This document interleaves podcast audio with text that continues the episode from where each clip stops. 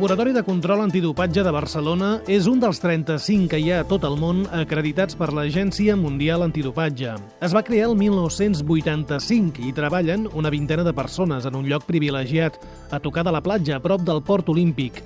El que fan és analitzar i detectar, a través d'orina d'esportistes, el consum de substàncies prohibides en l'esport d'elit. Qui ens rep i ens acompanya durant el recorregut és la Rosa Ventura, la sotsdirectora del laboratori que pertany a l'Institut Hospital del Mar d'Investigacions Mèdiques. Ens explica que cada any analitzen entre 4.000 i 5.000 mostres d'esportistes de tot el món de federacions internacionals ben diverses. La Federació Internacional de Natació, la Unió Ciclista Internacional, la Federació Internacional d'Atletisme... Quan hi ha esdeveniments esportius importants, fem també els controls, per exemple, els Mundials de Natació d'aquest estiu passat, els van fer aquí. I atenció a la dada, d'aquestes 4.000 mostres d'orina, només un 2%, per tant una vuitantena cada any, donen positiu.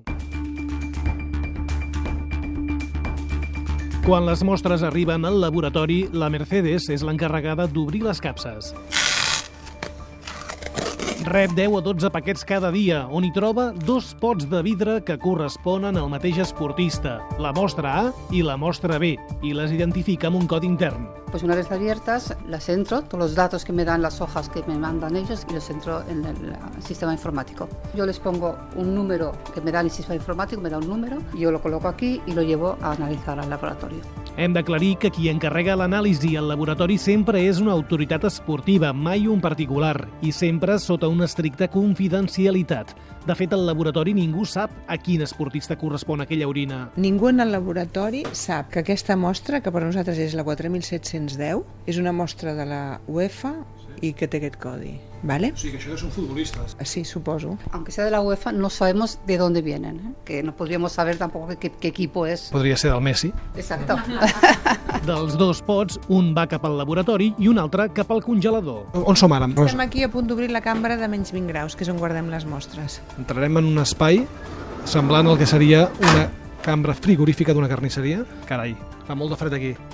Aquest no és el procediment, s'ha d'entrar amb abric i llavors sempre que entra algú hi ha d'haver algú a fora esperant-lo. Sortint del congelador i entrem al laboratori de distribució de mostres. Hi trobem l'Alícia, ella obre els pots de vidre amb l'orina. La forma de fer-ho és ben rudimentària. Veus com ens ho ha trencat? Llavors ara tu pots obrir la mostra. Llavors ara obriré aquesta altra perquè normalment les obro totes. Les mostres no les puc obrir abans d'inspeccionar, però com això ja ho he fet, ho fa amb un martell per trencar el precinte de vidre. Un cop obert, reparteix la mostra en diferents proporcions o volums. Jo el que faig és comprovar els volums, comprovar els números que coincideixin, miro el sediment i el color i distribueixo la mostra amb diferents o tubs de vidre o tubs de plàstic, depèn del procediment. I les deixa a punt perquè comencin a ser tractades al laboratori d'extraccions. Estem al laboratori d'extraccions. Agrupem les mostres per tipus d'anàlisi, bueno, ajustem el pH de la mostra i afegim un dissolvent orgànic i el que fem amb aquesta part de preparació és intentar aïllar les substàncies que nosaltres volem fer servir com a marcadors de la resta de components de l'orina. Definit el camp d'acció, arribem al moment clau. Entrem al laboratori de cromatografia de gasos. És una sala plena d'aparells que funcionen automàticament amb una tècnica coneguda amb el nom d'espectrometria de masses, que ens permet saber si una mostra conté o no una substància prohibida. Les substàncies que es detecten més són esteroides anabolitzants. Per exemple, són la testosterona i els seus derivats. Llavors, altres substàncies que també es detecten, el salbutamol, la terbutalina, medicaments que es fan servir per l'asma també, després també corticoides, si apareix alguna anomalia, cal fer una anàlisi de confirmació. Una errada del laboratori podria ensorrar la trajectòria d'un esportista. Aniríem una altra vegada a buscar la mostra A, que està congelada a menys 20 graus, la descongelaríem, agafaríem una part alíquota de 5 mil·lilitres o 2 mil·lilitres i mig i confirmaríem que realment hi ha metadona en aquesta mostra.